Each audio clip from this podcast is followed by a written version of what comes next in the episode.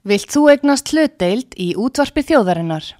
Sendu tölvupóst á hlutabref at útvarpsaga.is eða ringdu í síma 533 3943. Útvarpsaga stendur vörð um tjáningafrelsið.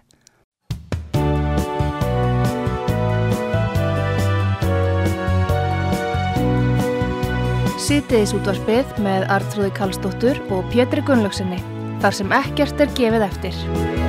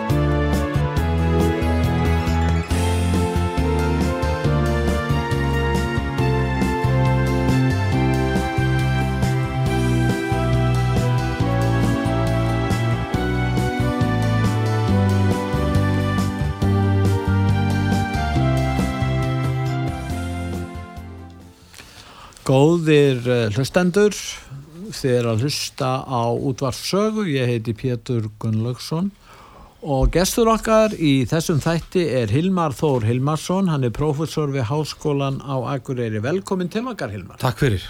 Takk. Og hérna nú, eh, nú stendur yfir leittóafundur Evróburásins hér í Reykjavík og sem hefur þetta vakið mikla aðtegli og nú er verið að ganga frá tjónaskrá það er nú ekki öll aðeldaríkin eh, sem hafa samþýtt það. En menn spyrja kannski ef við ætlum að ræða hérna um ástandið þarna í Östur-Európu og Úkrænu og uh, hvernig er í raun og verið framkvæmalegt að koma því fyrir að, að koma á einhvers konar kerfi þar sem að að rússarnir eru láttin greiða fyrir þann skada sem er valda? Nú er þeir ekki lengur í Evrópuræðinu Nei, það er alveg rétt sko, þeir, þeir eh, eftir að þeir gerur einræðsinn á 24. februar 2022 Já. ég held að það verið 16. mars 2022 þegar maður vikjur erubráðinu tekur eftir þeir var ekki eftir síðan ég besti, þeir var, þeir var ekki vikjur erubráðinu eftir að tóku krimskagan Nei. og ég held að þá er þetta hrangatstjóri sem var normaður, hann taldi mjög mikilvægt að, að, að hérna væri í erubráðinu vegna þess að að vegna þess að Európaráði hefur, mér skilst að Európaráði hefur notið vinsalda meðal almennis í Rúslandi að það er náttúrulega mannrýndinu domstól Þetta er fyrir rúslandsku þjóðin Já, þetta er svona fyrir almenning, me meiri fyrir, fyrir stjórnvöld. Eins og fyrir stjórnvöld því þetta það eftir sem ég skilst þó ég sé ekki, haf ekki ég, ég tel mér ekki vera sérfræðingi Európaráðan en ég, mér skilst að það sé hérna þannig að, að ef að ert, ef að landi er aðil Európa þá getur ekki verið með döðarefsingu Það er rétt, það er viðauki við mannréttasáttmála Európu það sem döðarefsing er bönnuð og rússar þegar þeir gengu í Európuráðið þá eru þeir að afnema döðarefsing Já og svo líka er líka ákveð eftirlit með pyntingum og annað. Já. þannig ef að þú ert í, ef að, það er fyrir stjórnvöld þá þýðir þetta það ef þetta er svona þá hefur þetta það að þau hafa frjálsari hendur heldur en áður. Já. þannig að þetta, ef þetta bitnar á einhverjum þá bytnar þetta kannski einna helst á almenningi. Þannig að þetta er svona álita mál hvað það var að gera í þessu. Já. en sko Evropuráðið er eh, fyrst og fremst fyrir líðræði, mannréttindi og réttaríkið en að það sé að, að skrá tjón e, sko það er lagt áherslu á stjórnar að Íslands á að tala um að, að setja hótt tjón að skrá og uh, þetta verið síðan bætt og, og draga til ábyrðar á svo framvegis og ábyrð að tala um ábyrðaskildu og, og þau vilja að koma eitthvað út úr þessum leitu sem skiptir raunverulegu máli. En ég, mér finnst þetta sérstaklega sko að, að Európaráð sé að vasast í þessu því að það reyndar tilneying með alþjóðstofnanir að þær hafa tilneying til þess að fara að vasast í alls konar hlutum og sumt sem að passar ekkert við þær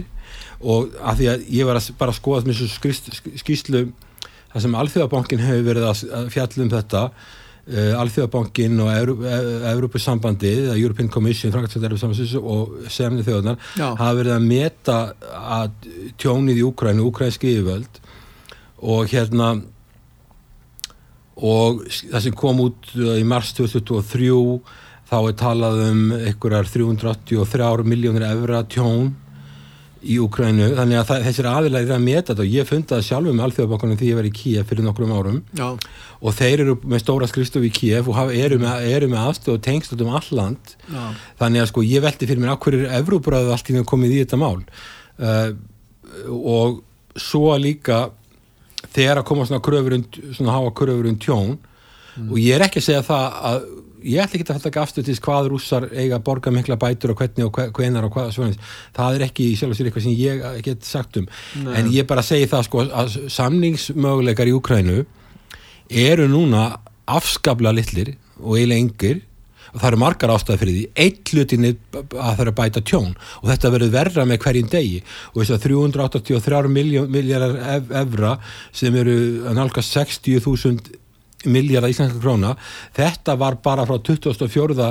februar 2022 til 24. februar 2023 og þetta er orðið ennþá meira núna og þetta heldur áhrifma vestna og hvernig ætlar að ljúka stríðinu? En ef að rússar myndi gera nú átt fyrir þeir tapi stríðinu sem er nú frekar ólíklegt, þeir eru kjarnanku veldi en ef þeir myndi tapa því og þurfa að gangast undir þessa, þessa, þessa tjóna, bæta þetta tjón ég meina þetta kæmi niður þá rúsnesku þjóðin, þetta myndi minna á svona örlög eh, Þískalands eftir, eftir fyrir heimstyrjöldina Ég, maður áttur að skoða þetta svolítið í samhengi við um, alls konar hluti sem samhengi hef ekki, ég var, var, var, var að skoða þess að tölu, ég var að skoða þetta betur í samhengi við, þetta er samt örgulega hátt hlut allar verkið landsframleysluður Úslands og, og það hefur verið talað um að frista þeirra gældir í svara sjóð sem að hluti, hann verið fristur hluta ánum allavega held að verið 300 miljardar dollara, sem er alltaf stóru upphæð. Ef það á að gera það ekki bara frista heldur að taka endanlega frá Rúslandi þeir geta tekið þetta sem þeir eru búin að frista þá, þá komum alls konar lagalega spurningar þá komum líka spurningar sko ef við erum að tala um þessi lönd sem að kynverjar og rúsar eru, eru að vinna með sem eru Brasilia, Indland, Kína Suðurafrika og svo eru Argentina, Íran og Sáðjárbergin að fara inn í, í, inn í BRICS með Kína. Mm. ef að á að taka gældir í svara forða af rúsum sem að Já, já, ef það verið gert, þá mun það hafa, hafa afleggingar af það að hvað þessi lönd, þessi lönd munir treysta sér að vera með gældirisvara fórða í vesturinu böngum. Að móta við það að það verið bara tekið af? Já, ef það, það komið fordæmi fyrir því að þú getur bara frist þessari upphæður og tekið þér í burtu já. og það má hafa ýmsa, ýmsa skoðanir á því, hvort það sé réttilegt eða ekki, en, en það eru fleiri lönd sem að geta lendi í ágreiningi í Vesturland, þessi lönd sem ég taldi upp eru Breiklöndin sem er halfur cirka halvt mannkynni sem er að vinna með Kína og Rúslandi og hérna að meina G7 er eitthvað 10% af mannkynninu sem er bandaríkinu, ríkusturlandi í heimi vinna með þeim.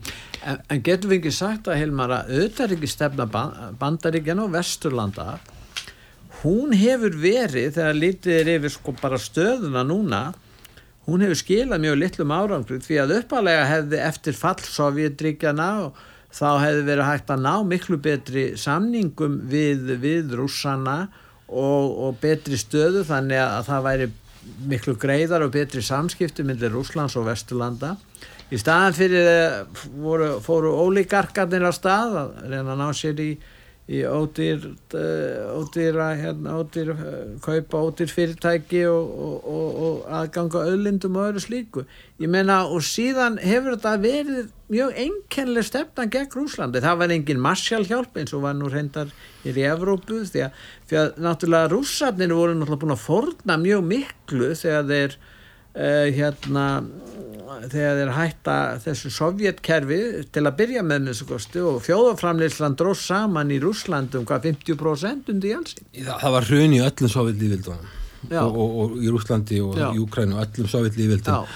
Rúsland var samt uh, uh, því fætt sovjetríkjana með herri verka landsfæðan en breyk bíli millir Rúslands og, og, og síðustum 30 árum hefur vaksið þannig að Rúsland með, miklu með, með, núna með meirinn töfaldhæri verka landfræðislega mann heldur en þeim þessu Úkræna þannig að það er alveg rétt að, að enga væðingi hafa misefnaðist og auður lendi í höndum farra aðila og það er ákveðið vandamál.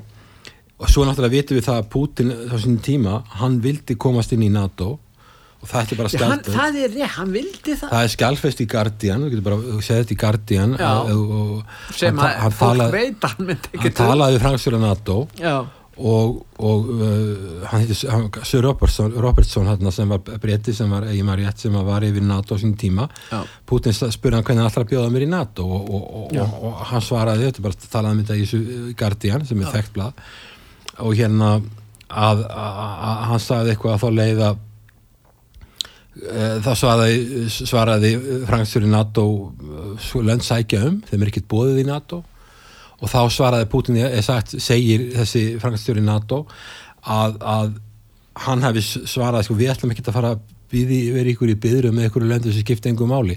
Og þá erum við að tala um lönd eins og sko lönd sem fóru þarna inn eins og Bulgaria, Rúmani, ykkur, ykkur minni lönd, mm. Eistrasaltríkin NATO er búið að stækka frá þetta sáðutíkina sex sinnum um, og um samtals 15 lönd þannig að rúsum fannst sko að þeir væri það stórir eða Putin að þeir ættu að ætti að bjóða þeim til viðræna en það var ekki stemningin. En það hefði þýtt það að gera breyting á NATO því ef að NATO hefði, ef að Rúsland hefði farið í NATO þá væri komin með hérna þá væri landamæri NATO komin að Kína. Já. Þannig að rúsa lítið er á að Vesturland sé að reka okkur á útþenslu stefnu gagvart sér og hluti af þessu máli og það er, það er það sem er vegna þess að og, og Vesturlönd neyta því alfarið í raun og veru að taka tillit til þess að það er ákveðin sérstaða og sérstaða í samskiptum Úkrænu og Rúslands Já, þau, þau neitt algjörlega að taka tilliti þess og hérna það, það var James Baker sem var auðverkistur á þeirra bandaríkina sem var, var auðverkistur á þeirra frá 1989-1982 þegar Sovjetrikin fjallu og þegar Berlin voru fjalls 89 og svo Sovjetrikin falla 91 mm. þá sagði á James Baker að hafa sagt við hérna Ukrænumenn við hérna við, við Rúsa og Sovjetrikin eða Sovjetlífveldin að, að, að ef að Þískaland er í samin að þá væri ekki einn tomma lengur til östus yeah. og no, uh, not one inch to the east. Og, og það var hins vegar aldrei gert skriflega, það voru mistök Sovjetiríkjana eða Rúslands að fá þetta aldrei inn í skriflegt af neitt hátt. Og í þetta hefur verið vísað.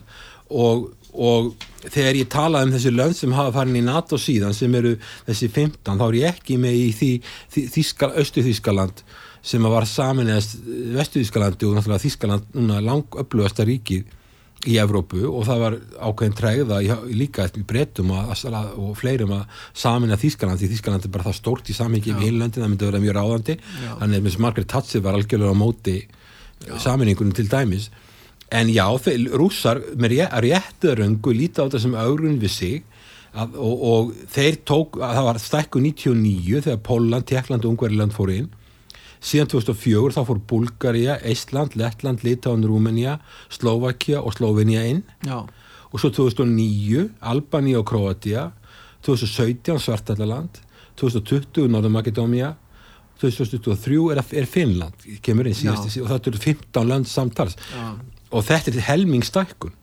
Nú, þessi lönd fara inn sjálfviljug og þau, þetta eru lönd sem að vera að taka upp líðræði og eru flest eru líka í Europasambandinu og það er ekkert að segja sjálfsög við því að, að, að, að þau vilja fara að en þau bara, rússar og kýmverjar líka líta bara ekkert á NATO sem varnabandalag og það er munurinn. Og við erum ekki bara að tala um ágreining við, við rússa, kýmverjar eru í vaksandi mæli að setja sig á móti þessar útþöðslu og það er spurningin allar NATO bara að þennjast út endalaust eða, eða er ykkur Mundu þeir vilja að jafnvel fá Suður, Kóriðu Japan og Ástralju inn í NATO. Það veri Já, það, það er, er, er það ekki næsta skrif? Það, er allavega þannig að Þá eru kynverjar ekki sáttur við það. Ég held að það hefur að leta á fundi Madrid leta á fundi Madrid fyrir ekki lungu síðan. Þá var einmitt eins og þetta segja þá var Japunum, Suðukóru uh, Ástralíu og Nýjasjálfandi bóðið á NATO-fund og það er ákveðið skilaboð. Mm. og bandar ekki náttúrulega eru er, er búin að skuldbinda svo er að verja ekki, eru að verja Evrópu vilja fá eitthvað í staðin fyrir sin snúð. Og þau sjá, hafa áhyggjur af, af hérna hvað Kína, Kína er orðið upplugt þess að eru þessi bandalaga myndun sem er eigast í stað. En ef, ef við lítum á átöku núna eða stríðið innrás Rúslands sem var eh, mjög óskinsamlega ákvörðun á halvu rúsa því að rússar áttu mikla möguleik og eiga mikla möguleik en þetta gerðist nú enga síður. En staðan er núna Hilmar er þannig að eh, rússar hafa orðið skadað sína hagsmunist sannlega efnaðslega og sjálfsagt til lengri tíma. En Úkræna er bara er lögð í rúst Já, Úkræna hefur orðið mjög illa úti og það er það sem að manni finnst og þegar þess að vera að tala um það er svona tjónaskrá sem að ég skil alveg að, að, að, að Rúsland þurfa að bæta fyrir sitt og annað að þá heldur, þetta þýðir bara að stríðið heldur áfram og það verður bara meiri og meiri eigðulegging og það sem við erum að tala um er það sko þetta eru þrjú mandamál sem maður sérvalandi að ljúka þessu stríð, það er landi sem er búið að taka, það er að semja um það. Já. það er mjög erfitt að semja um það. Þeir eru búin að innlima austurhéruðin Já, austurhéruðin og alveg landur og alveg að krimskánum og þetta eru sennilega héruð sem að hafa mjög mikla mikla auðlindir Óli og gas. Og fleira til og, og, og, og náttúrulega rúsar eru lengur búin að kortleika hvað lögleitinnar eru og hvað þeir ætla að taka og þeir eru búin að taka það. Það er alltaf spurning hvort að Úkræni ná hvað þeir ná, hvort þeir ná ykkur tilbaka og hversu mikið en výlega hún er eitthvað þúsund kilómetrar hún hefur ekkert verið að, að hún hefur ekkert verið að breytast mikið. Nei. það er eitthvað þessi bær bakkmútur í Úkræni en eitthvað að ná árangri núna en það hefur gengið fram og tilbaka Mm. Þetta er ákveði vandamál sem er erfitt að leysa því að náttúrulega úkrænuminn vilja all landið tilbaka sem maður skilur alveg. Rúsa vil ekki missa neitt tilbaka þeir eru búin að illi með þetta formlega. Svo kemur þetta vandamál hvað staða úkræni er að vera með eftir stríði það er, þá vilja NATO-ríki og ESB-ríki að úkræna til lengri tíma að koma inn uh, vilja þetta halda fram að tala um það og Rúsland segir algjörlega neyfi því. Og svo bætist við þetta með þessa, þessa svakalegu skadabóta kröfur Já. og þetta þýðir, þetta þrent þýðir að það er engin von til samninga ja, það er eitt í viðbót þeir vilja draga Putin til ábyrðar fyrir stríðsklæpi þó þeir séu ekki aðlega stríðsklæpa dómstólunum Já. og ef þeir alltaf halda því til streitu þá getur hann ekki samið um það fyrir þá því að þá, þá verður hann dreygin já, fyrir þennan nettur fyrir stríðsdómstólin og já. það er nú mjög ólíklegt að hann fáist til að semja við að við þær aðstæður Já það einfaldar ekki hlutin. Nei það einfaldar ekki og, og hérna og en svo til viðbótar bætist annað tjón sem að kannski hefði mátt bæta við líka. Það er það sko þegar Sovjetringin voru til þá þessi Sovjetringin þegar Sovjetringin hérna fjallu voru 52 miljónir mann í Ukræni núna er það voru 41 miljón þegar eina sem var gerð og voru ennfæri núna. Og líka dráð að fólk komið tilbaka það hefur líka farið til farið til Pólans mikið til uh, landamæri, eins og ég var að skrifa bókast um vísigræðlega meðal lands þá var Póland Tjekkland, Slovakia Ég skilst allir þjónar í Östuríkis við frá Úkræn Já, já, og, og, og þeir sem fara til það, það eru mjög margir farið núna til Þýskalands og þetta fólk sem kemst allavega til Östuríkis eða Þýskalands sem er komið í sko, lönd sem eru mjög rík. það, það líkvöldunar því að það farið tilbaka eru mjög litlar mm. og Úkræna stendur fram með fyrir sko alveg gríðilega miklum öldrunar vandamálum Já. og ef þú horfir á, á, á, á aldustreiði í Úkrænu þá er bara kallmenn á aldrinu kannski 18 til 25 ára þetta er bara að vera að hverfa þeir sem ekki eru flúnir eða farnir að vinna einhver staðar í Evrópu Er, er, þeir eru í herskildunni þeir eru í herskildunni og, og mannfallir mikið og, og, og mannfallir það, það, það er ekki bara nóg að taka, tala það sem hafa fallið og eru, eru látnir heldur er, er en, ennstæri hópur sem hefur örkumlast þannig að við komum að þetta getur aldrei unnið, lífa eðlilegu lífi og unnið eðlilega vinnu í, út, af, út af því að við komum að örkumlast Getum við fullirt hérna Hilmar sagt að ef að Vesturland hefðu líst í yfir og það kom bref síðast í desember, sennilega 2021 frá, frá Rúslandi til Vesturlanda. Ef þeir hefðu lísti yfir að Úkræna og Úkrænumenn hefðu samtíkt það myndi ekki ganga í NATO. Hefði það högsalega komið vekk fyrir innrástum, við getum alltaf aldrei talað svona og, og, og endur skoða svo sem fortíðina en, en þetta var það sem ég lögði á. að slá var þetta þessi skipti mestu máli fyrir rúsan?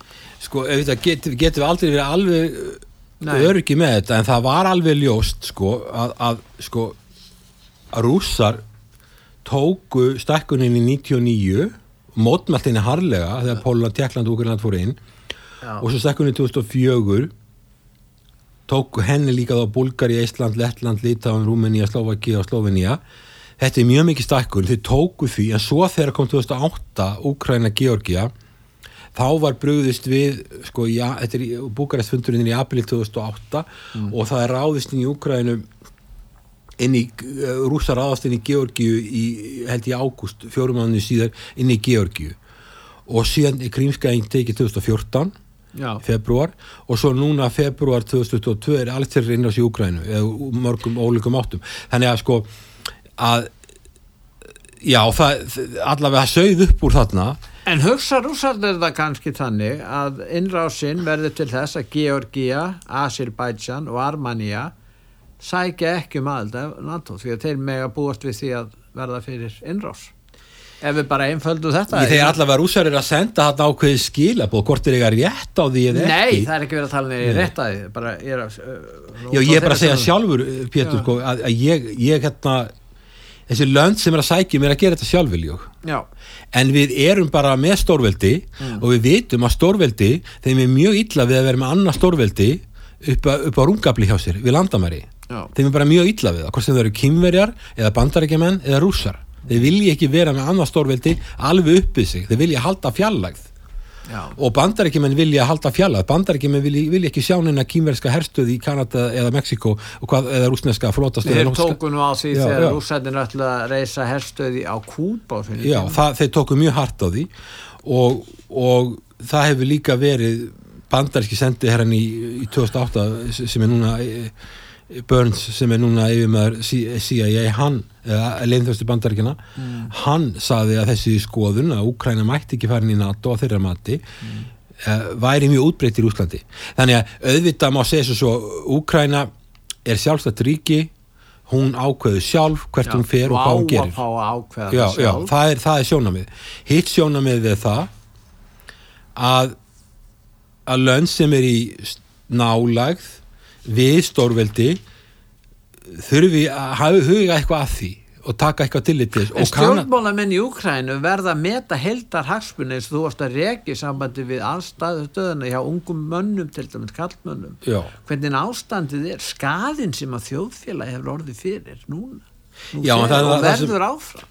Sko þannig er þetta veikja Rúsland og Ukrænu líka. Og ég eidilegja Ukrænuna Já, já, já það er, það er sennilega það sem að það, að, það orð fyrir að eiga við fljótlega skilur, ef að stríð heldur áfram og það verður meira og meira mannfatt því að Úkræna, minna þetta eru greinlega hermenn sem eru uh, góðir hermenn að stopni til þeir eru bara miklu farri heldur rúsarnir þeir, þeir eru betur búnir og betri vopn, þeir eru betur klættir þeir eru betur fættir, þeir eru að fá betra fæði heldur rúsarnir eru, og þess vegna geta staðið í miklu starra landi mm. af því þeir eru að fá allt þetta frá vesturlöndum. Þannig að þeir, þeir hafa staðið sér mjög vel og, en þeir eru líka með miklu betri búna heldur rúsarnir en það kemur að því að að þetta verður ansið mikil tollur. En getur farið svo að Úkrænu verður bara skipt, rússarnir taka hluta uh, Póland tekur hluta og, og jafnvel ungverðiland tekur lítinn bút líka. Ég meina ef þetta heldur svona áfram styrjöldin stendur yfir í mörg ár og, og Úkræna heldur áfram að veikjast og fólki heldur áfram að flýja. Það eru alls konar landamæradeilur í, í hérna í uh, sjó, sjóða undir niður í miða-Evrópu Ungverjaland, Rúmenía talanlögjum gamla Jugoslavia þannig e, það, það, það sem margir segja ef þú fyrir að breyta landamærum í Ukrænu að þá getur það haft afleðinga við annar staðar. Mm. Þess vegna hefði verið sjónamið kannski með Úkræna, Úkræna verið ekki breyta landamærunum, mm. heldur fengju ákveðin hér, þá sem rúsar eru meiri hluta meiri sjálfstjórn. Það væri áfram Úkræna en þau bara fengju meira sjálfstæði. Sérstaklega í menningamálum og tungumál og. Já, já þau fengju að læra rúsnesku og bara meira frelsi Le. en væri samt, e, e, landamærum Úkræna er þetta ekki breytt en það hefur ekki en kemur það ekki verið óvart til maður við erum alltaf þess að þekkingu diplomatar og aðrir og, og háskólanir hér á Vesturlöndum að menn skildi ekki, menn skildi ekki taka aðra afstöðu gagvart Östur-Európ í ljósi bara meiri þekkingar sem þeir ætti að hafa á afstöndinu við sjáum niðurstöðuna núna. Eða eins og fyrir Já, þú er, ertu þá að tala um stækkun NATO eða, eða hvað stækkun? Bara yfirleitt auðvitað ekki stefnan, gagvart uh, Rúsland og gamlu kommunisturíkjónum eftir fall Rúslands og Östur-Európa. Ég sko, það er náttúrulega Þú alveg ljóst. Þú þekkir þessi mál mjög vel. Og, og, það. Það, það, það er alveg ljóst að þessi lönd eru komin miklu skemmra, þau eru fátakari en þá miklu fátakari mm. heldur en gömlu ESB, Evrópa samanslöndin, upprunalega þessi E15 sko, Já. miklu fátakari og og, og Sovjetlífveldin Íslandsastríkin eru Sovjetlífveldin þau fóru inn í, inn í inn í ESB og NATO en hinn Sovjetlífveldin er ekki komið ángað mm. Ukraina og, og Georgia og svo Kvítaralland eru líka Sovjetlífveldi þau eru miklu skemur komin í, hérna, í líðræðisáttu í mannréttindum, miklu skemur og það er spurningin hvað er þetta að flýta klukkunni mikið? Þau þurfa sín tíma þessi lönd bæði að þróast efnaðslega og svo líki í líðræði og mannindamálum þau þurfa sín tíma saman með þú tekur Asjulöndin, þú tekur Sumbrikslöndin þú tekur uh, Brasilíu, Indland, ja, Indland Íðræðsriki, Suður-Afrika mm. og svo löndi sem er að reyna að komast inn í BRICS Argentina, Íran, Saudi-Arabi og svo talaðum að Níkerja vilja við að vil komast inn í BRICS líka Já. þá er, þá er þegar, þegar það er allt komið þá er BRICS orðið halvt halv mannkinni þessi lönd eru bara langt á eftir ekki bara þessi fátakari efnagslega og miklu læri verka landsmænisla mann heldur en, en G7-löndi sem undir fórstu bandaríkjana mm. og G7-löndin það eru bandaríkin, Breitland, Frakland, Ítalija, Japan Kanada og Þískaland sem eru miklu ríkari lönd. Þau eru bara komið miklu lengra. Og að það sé hægt að taka þessi lönd sem eru svona stór mm. miklu fátakari og hafi ekki þessar hefðir og flytja út amerísk líðræðið þarna sko þetta er vestrænt líðræðið er ekki góð hlutin fyrir að þessu landa það, bara, það, það, það tekur alltaf hlutin nei. Það er að taka ákveðin skref það voru ákveðin skref í líðræðsátt í Rúslandi mm. svo kemur bakslag. Og, og þessar afleðingar sem við sittum með núna þú talar um BRICS BRICS er fyrst og fremst Kína. Ég meina, þú vart að tala um fyrir ríki sem vilja verða hugsanlega eh, verða hluti af BRICS eh, þetta eru ríki sem vilja fara þangu inn vegna þess að kynverjar eru öflugir. Og, og, og komast hann inn að geta selgt inn á þann marka meðal annars. Já, þau vilja fá stöðu í alþjóðasamfélaginu. Og e, þau komast ekki inn í G7 Nei. þau eru ekki með þau eru ekki uh, nema Indland. Indland er líðræðisríki það er mjög fátækt land í samanbyrði við það er verið fátækt í samanbyrði við Kína sko, miklu lagri verklamfræðsla mann í Indlandi. Það er, það er, ja, en það er mikil, mikil hafustur að vera þar og hefur við Jú, en það er samt sem að það tók langan tíma hjá þeim og þeir eru sko, þeir eru bara brota hakkerfi Kína sko, og tekur verka landsframleyslu á núgildandi velagi í Kína eru 17 triljónir en bara þrjár í Indlandi. Að, og þetta eru jafn fjöl með ríki þannig að verklega anframlega mann er miklu lægri en það er alveg rétt sem hún segir Indland er með mikinn hagvöst og hefur mikla möguleika. En sko e, þessi lönd vilja fá ákveðna svona, ákveðna svona plattform eða stöði í þessu alþjóðarsamfélagi og þau gera það með því að fara í hópur svo BRICS. Vegna þess að þá geta þau að fara að mæta á fundi og þetta er hópur sem er að nálgast að vera með halvt mann kynniðin um borð og þetta er lönd sem er að styrkjast mjög efnarslega og þú tekur þau á jafnverðisgengi, það sem er hægt á einsku purchasing power parity, Já. þá eru Bríklandin orðin starra hækkerfi heldur en heldur en og það er vegna að indverjar eru þá metnir kannski á 10 triljón og, og kymverðin er 27 triljón vegna að þú reknar verka landsframleyslu á jafnverðisgengi PPP við miðunum þannig að, að, að Indverjar þó að þeir séu miklu læri að þú hef metur verka landsfræðins á núgildandi vellægi, það er að segja current prices. Já, já, já. en þá ertu með þann sko, þá ertu með Indland kannski í þremur triljónum þannig að sérðu hvað í raun og þetta skiptir miklu máli ef löndin eru, fjöl, eru, eru, eru fjölmenn já, og eru vaksandi Og, og það er mikið samkeppni á milli eh, sko Kína og bandaríkjana um hillir Indlands Já, en, en indverjar og móti er mjög hrifin af bandaríkjaman og bandarískust kerfinu. Hann vill ekki slíta sambandi við bandaríkjum. Nei, sko Það, hann mun aldrei, hann mun ekki gera það. Þannig að það spurði hvort að, Briggs væri nú eftirsoknarvert fyrir hann. Indlandi, bandaríkjan hafa búið Indlandi á G7-fundi já, og þeir eru líka á, á BRICS-fundum, þeir eru í formlegur, formlegt aðeldaríki en svo eru þeir líka að kaupa þeir í mesta sínu vopnum frá Rúslandi já, það er frá gammalli tíð. Það Já, það er gamla sama þeir, þeir, og þeir eftir að, eftir, að, eftir að stríð hófst þá hefur gas og olíusala til Indlands frá Rúslandi markfaldast tekið stökk. En þessi janataflokkur hans móti, Já. hann er náttúrulega hindúist, það er ekki gott samband á milli þeirra viðþóra sem þar er að finna og hjá kynverska kommunistaflokknum. Sko við erum að tala um sko Og það eru líka landamæri. Já, fyrir utan það. Já. En bara hugmyndafræðilega séð, þá fyrir þetta kynverjarnir indverjarna og það er sjálfsagt gagkvæmt. Já, en samt sem áður þá eru indverjarnir, þeir eru í þessum hóp og þeir eru ekki formlega í G7 og náttúrulega þessi, lönd, þessi fimm lönd hittast þá náttúrulega er þetta tölvöld mikið veldi Já. Og, og þau fá ákveðin status bara í þessu alþjóðlega samhengi sam, og, og fá fréttaflutning og fá aðtegli og þessi lönd er að leita að því að, að, að, að þau séu tekið markaðum í þessari alþjóðlega heimskipan. Og núna erum við komin í þá stöðu að þetta er alveg sennilega sko tveir pólar. Rúsland náttúrulega hefur verið þriðji pólinn sem hefur verið sko hefur, ég myndi, þegar ég var að skrifa nýja bók ný, bara nýla, þá flokkaði ég bandaríki sem fyrir sem nummer eitt, sem er Já. lang upplösta upplösta hagkerfið og herrveldi og síðan kom koma Kína og síðan koma rússar og þeir eru tölvett land á eftir, eru miklu minna hagkerfi Já. en þeir eru kjartnokuveldi Já. þetta er stærsta land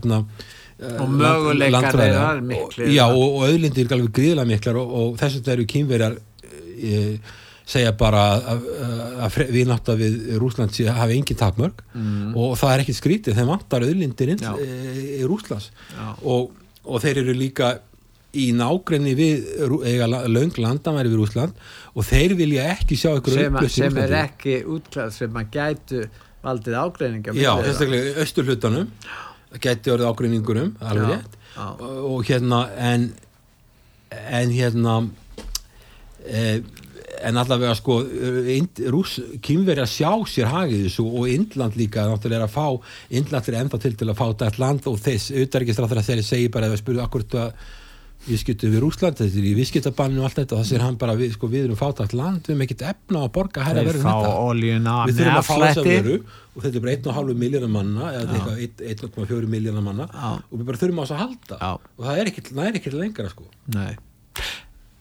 Góðir hlustendur, þið er að hlusta á útvarp sögu. Ég heiti Pétur Gunnlaugsson og ég er að ræða við hann Hilmar Þór Hilmarsson. Hann er prófessor við Háskólan á Akureyri og við erum að ræða um ástandið í Östur-Európu og Ukrænu og Rúslandi og, og, og eh, hvaða áhrif eh, þessi hérna, innrás rúsa hefur á heimshagkerfið.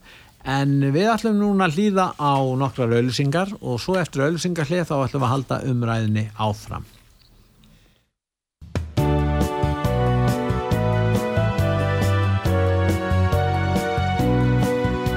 Sýtiðis útvarpið með Artrúði Kallstóttur og Pétri Gunnlaugsinni, þar sem ekkert er gefið eftir.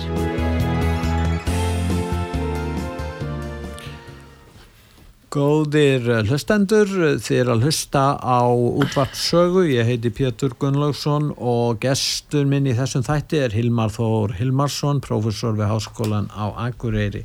Nú Hilmar, ef við fyrir svona að líta á það hverjir í raun og veru hafa hag af þessari styrjöld eða þessari innrás og, og þessum ágreiningi og, og, og hverjir er að tapa mest, það er rjóst að, að það er heilmikið tilfæsla á verðmætum.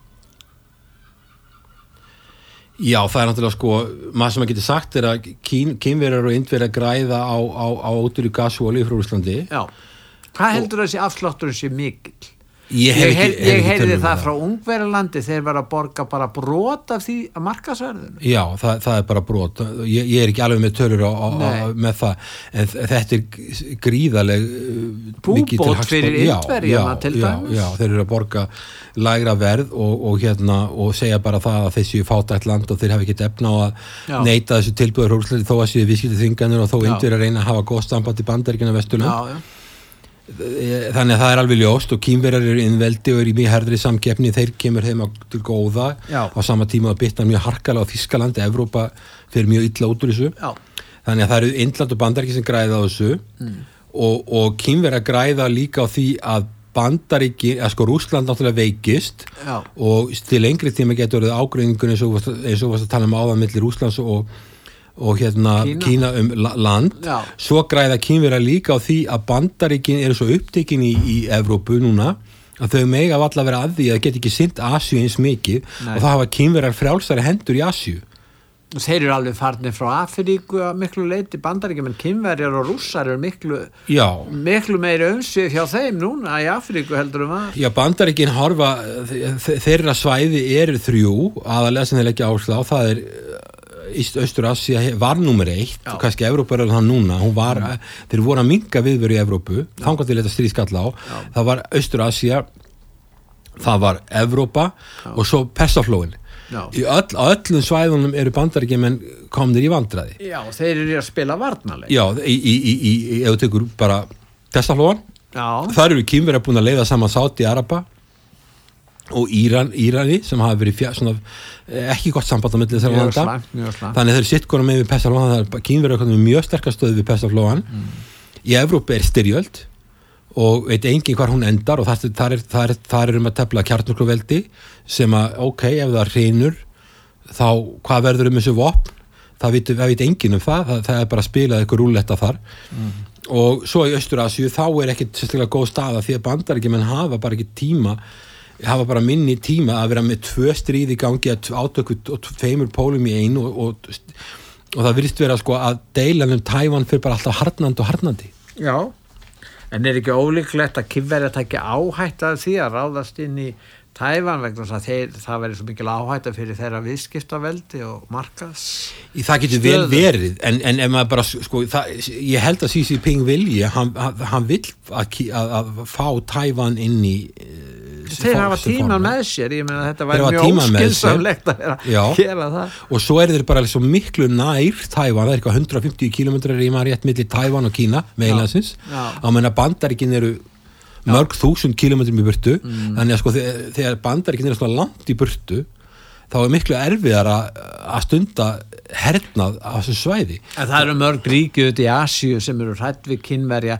ríki eins og jafnvel, Vietnam Filipseyjar eh, náttúrulega Indland vorum að tala um og svo eru ríki eins og, eins og kannski Indonesia, við vitum það ekki. Þannig að, að, að kynverjar tanda nú ekki kannski ekkert mjög vel þó þeir hafi áhrif í Burma og, og, og Sri Lanka og Pakistan sérstaklega. Þetta er nú ekki öflug efnahagslega ríki sem þeir hafa mest yfir á því yfirskilur en sjáðu sko og Bangladesh er til að vísur indverjarnir, þeir eru umlugtir ég menna stuðnisríki Kína eru í kringum á alla það er, það er svolítið óvinnilegt sko. það sem vekur aðtigli að það var þessi Monroe-kenning sem er svo að, að bandaríkin er náttúrulega stórveldi og eru, eru í álfu það sem er algjör friður skil, það, þeir eru með að sunnan í Mexiko að norðan í Kanada lönd sem er algjörlega meinlaus og það er ekkert sem ógnar þeim og svo eru bara haf eða fiskur sem konum með það er ekki neitt. Er bara flottabannaströymur Já, þeir, þeir, þeir eru mjög friðsam, það sem vekur aðtegli þá var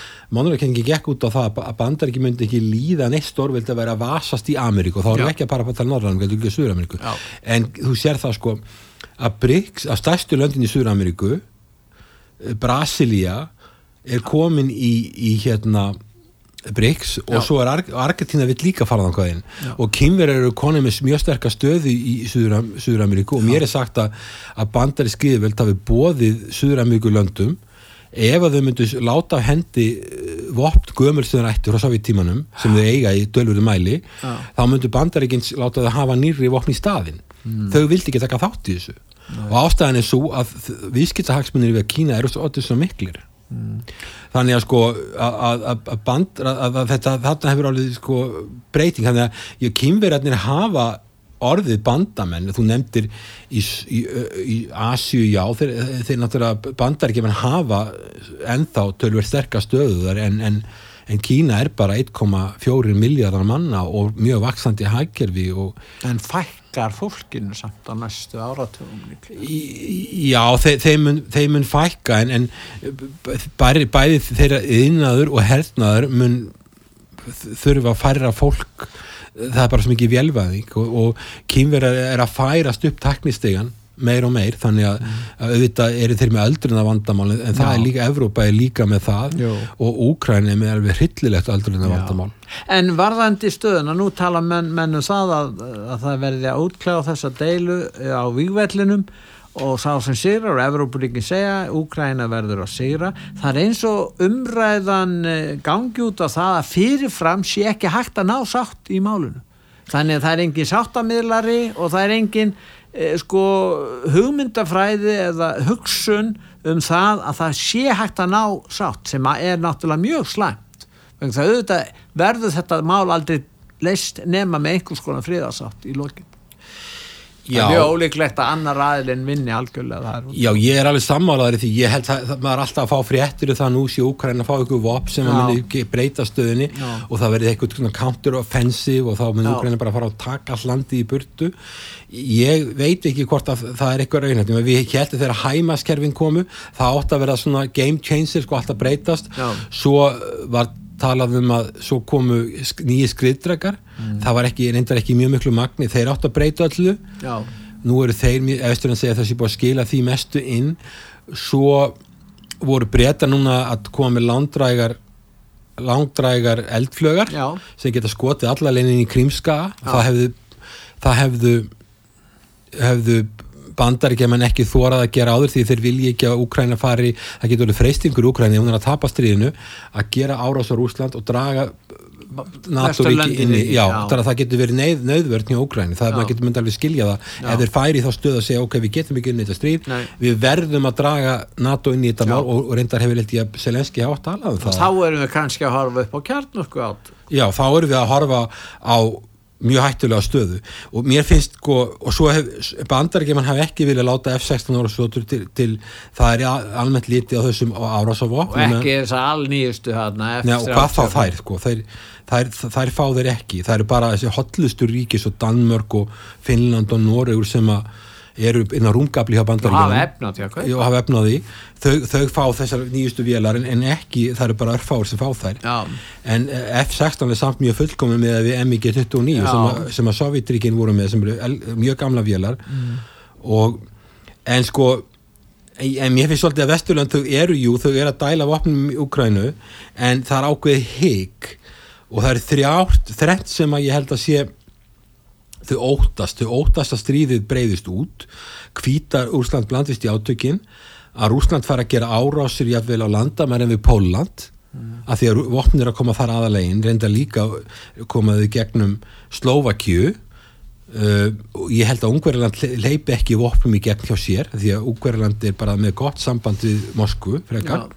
Já. og það er talað að jáfnveil það getur breytingar í Slovakju þannig að að á þann hátt að, að Slovakja munir líka loka á fluttinga til Ukrænu vopp þaðan og þannig að það er það sem er, er að þetta getur breyst út í Evrópu. Nummið tvö að Kína sjáu sér hægi að fara inn í stríðið ef Rúslandi er algjörlega að tapa. Þetta er þeirra stafstíðin ágræni þeir vilja ekki sjá algjörlega upplösn í Rúslandi Nei. þetta er kjarnökuveldi mm. og ef að það verður hérna uh, fyrir allt böndan, þá veit ég ekki hvað það endar. Og svo já, svo er þetta þriðja að Vesturland óttast, ég mitt þetta síðan nefna á sem er það upplöst þegar að, þetta kjarnunguveldi, þegar að Sovjetríkin voru til á sínum tíma, þá hafðu þau kjarnunguvopn og þá lögðu bandaríkin og Breitland og Vesturland áherslu á það að öll kjarnunguvopn væri á einni hendi, það er að það eru 15 Sovjetlíðveldi mm. og öll þessi vopn fóru til Rúslands já það, það var gert með svo kvöldu Budapest memorandum 1994 og með Sovjetrikin fjallir 91 94 þremur ára setna er þetta gert. Já. og gengi frá þessu samkómulagi og hérna þá misti Úkræna sín kjarn og Úkræna hefði alveg mátt reikna ef að Úkræna hefði verið svona realist þá er rússarnir realist. já, þeir gáttu alveg búist í því að ef að þeir, ef að þeir væri nákvæmna stórveldis já. og væri minni og veikari að, að, að, að rússar myndi koma bankandi á dittnar hjá þeim eitthvað tíman sem hefur þegar, sem sem er svo gerðist. Nú síðan er eitt stór þáttur í þessu máli, það er óvissan í bandarískun stjórnmál nú eru kostningar í bandaríkjónum það er á meðal fórsettakostningar á næsta ári og það er kannski það er minni líkver heldur meira á því að, að republikanar nái stöðn og þó er það ekki víst, það er ekki vita hvernig það verður. Nú verðandi fórseti er frekar óvinsæl en eh, ef að eh, hérna til dæmis eh, Ron Santos eða, eða, eða Donald Trump verða þarna eiga möguleika á því að ná þessu ennbætti og síðan náður aðvæðir möguleika að ná meiri hlutanum í þinginu sem er nú kannski en þá er veðra að ef við gera það þá breytir staðan vegna þess að það eru fyrst og náttúrulega bandaríkjumenn sem hafa fjármagna þetta. Pólverjar hafa líka verið mjög ákveðnir innan Evrópu þó þeir hafa ekki lagt mikið af mörgum kannski fjáráslega eins og þjóðverðarnir og og aðrir og svo eru það breytar það er breytar, pólarar og, og, og bandaríkjaman það er þessi þrjú lönd sem eru ákavastir og herskáastir. Og kannski Ísland líka við höfum náttúrulega skipt um Íslandsaftingin eru mjög herská. Já, það er náttúrulega en þau eru bara svo lítil, eru bara svo lítil sko. já, þau eru mjög herská. En, en, en við sjáum að þessi ríki ef að bandaríkjaman draga sér hlið að einhverju leiti þeir eru ekki þessi spilabá Jú sko, Donald Trump hefur sagt að hann, ef, að, ef að hann verið fósiti þá munir hann ljúka þessu stríði innan 24, 24 tíma. svona, já, já, og við vitum samt sko þegar hann var, var í fósitakostningu þannig að segja America First policy já, það eru margi bandargimið sem finnst að hafa verið farið illa með sig og þeir kjó, kjósa Trump. Eða allavega margi kjósa Trump en, en hann talaði um að NATO væri absolutt eða óreld og hann var á mótu öllum alþjóðsofnum þegar hans við að koma í kvíta á sig þá var hann ekki uh, var ekki eins mikið um framkvæmdir.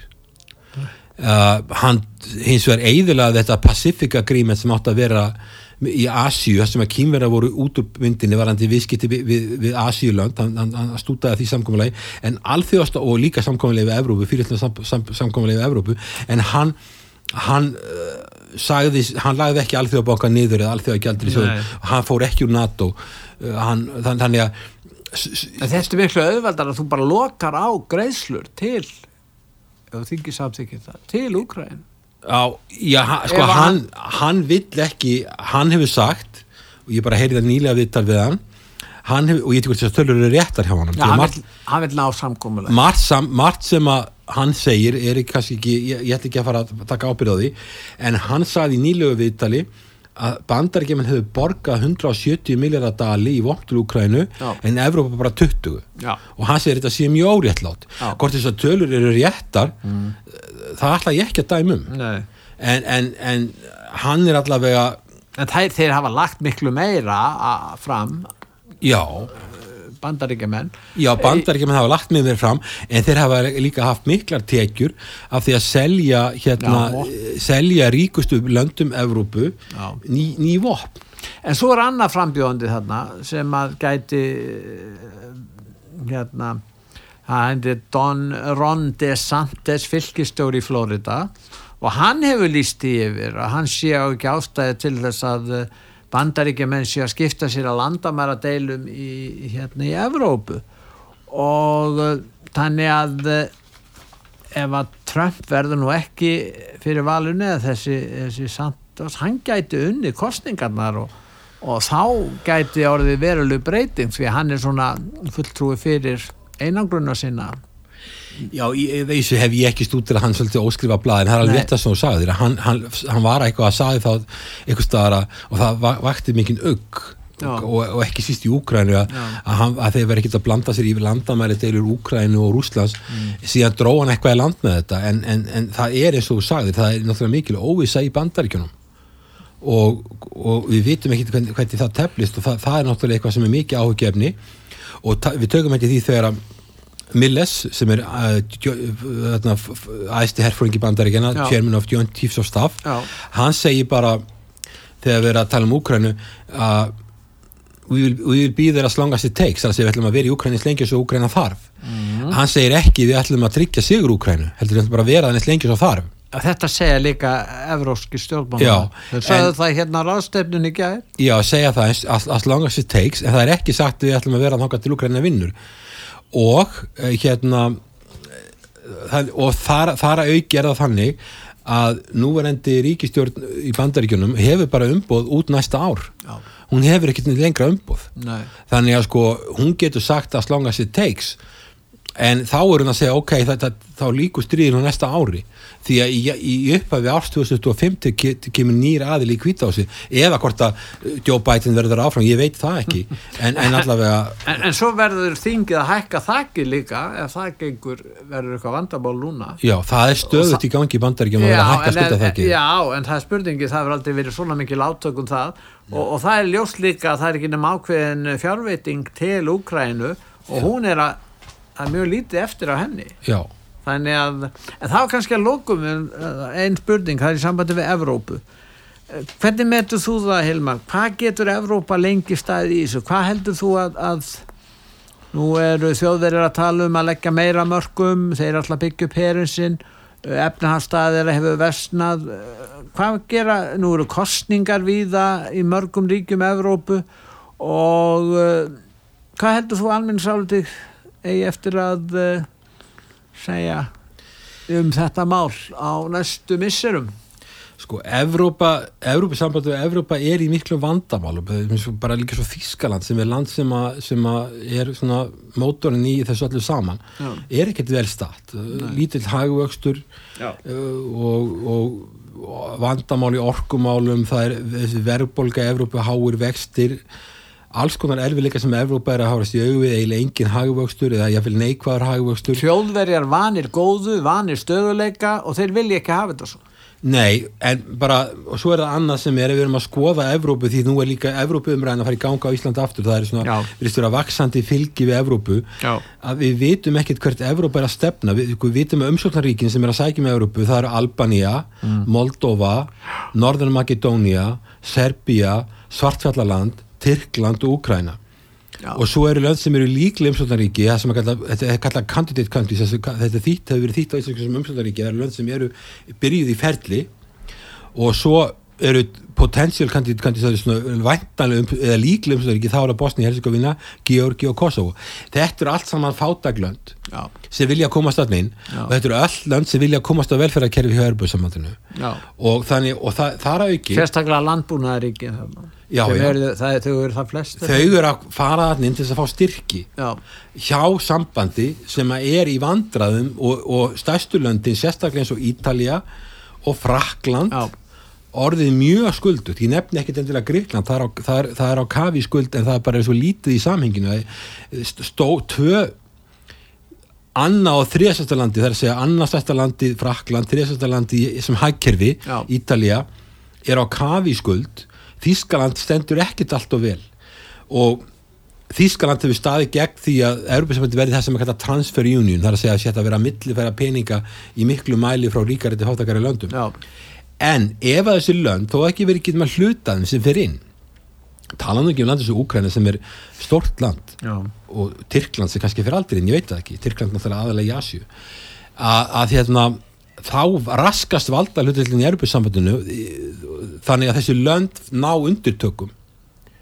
Og, uh, í, og þá er spurningi hvers konar samband verður þetta þegar löndin sem að þurfa aðstóð og þurfa að vera á velferðarkerfinu eru komið með völdin til sín og þetta náttúrulega vita þetta þjóðverðar og frakkar og, og ríkar í löndin Holland og Finnland og, þessi, Luxemburg þessi, þessi, já, og Írland já, og Svíþjóð og Danmörk við vita þetta. Mm. þess vegna er ólíklegt að það verði mikið stækkun á Európa-sambandinu á næstu þess að segja ég er ekkert björnsinn á að Úkræna séu að legin í Európa-sambandi fyrir kannski 20 árið eitthvað. Fyrsta lagi eru skemmtirnar sem ég var að vísa í skýrstu alþjóðbókas á fyrsta árinu þannig að það er búið, það er búið að rústa Úkræni bara á einu ári tíu ára aftur í tíman mm. Eh, Alþjóðbankin og ég held að það sé bjart sína á Alþjóðbankin er uppið sambandið og stjórnulegt í Úkræni var ástandið nú ekki gott fyrir og ástandið var, var alveg skjálflegt fyrir að búið að færa Úkræni tíu ára aftur í tíman mm. svo á, ef við erum að tala um að taka hana einn þá þarf að fara í uppbyggingu þannig að, þannig að við erum örgulega að tala um, ég meina Tyrklandi búið að býða eftir aðeld síðan 1999 hún er í byggstofunni lengi. Já þannig að sko að, að það eru alls konar blikur á lofti í, í Evrópu og þessi, þessi lönd við tökum bara eftir því að löndi svo Norrögur og Sviss þau er ekkert að hugsa um þetta. Þetta eru lönd sem eru með, meðal meðal um 100.000 dólar á mann meðal, já sko meðal hérna 2021 var, var, var Sviss yfir 90.000 uh, uh, Nóru með kringum 90.000 þetta er svolítið langt, langt, langt markvallt yfir neðaltælu og markvallt yfir því sem þessi markvallt yfir þessi, þessi lönd hafa meir en tífalt sum þeirra. Já.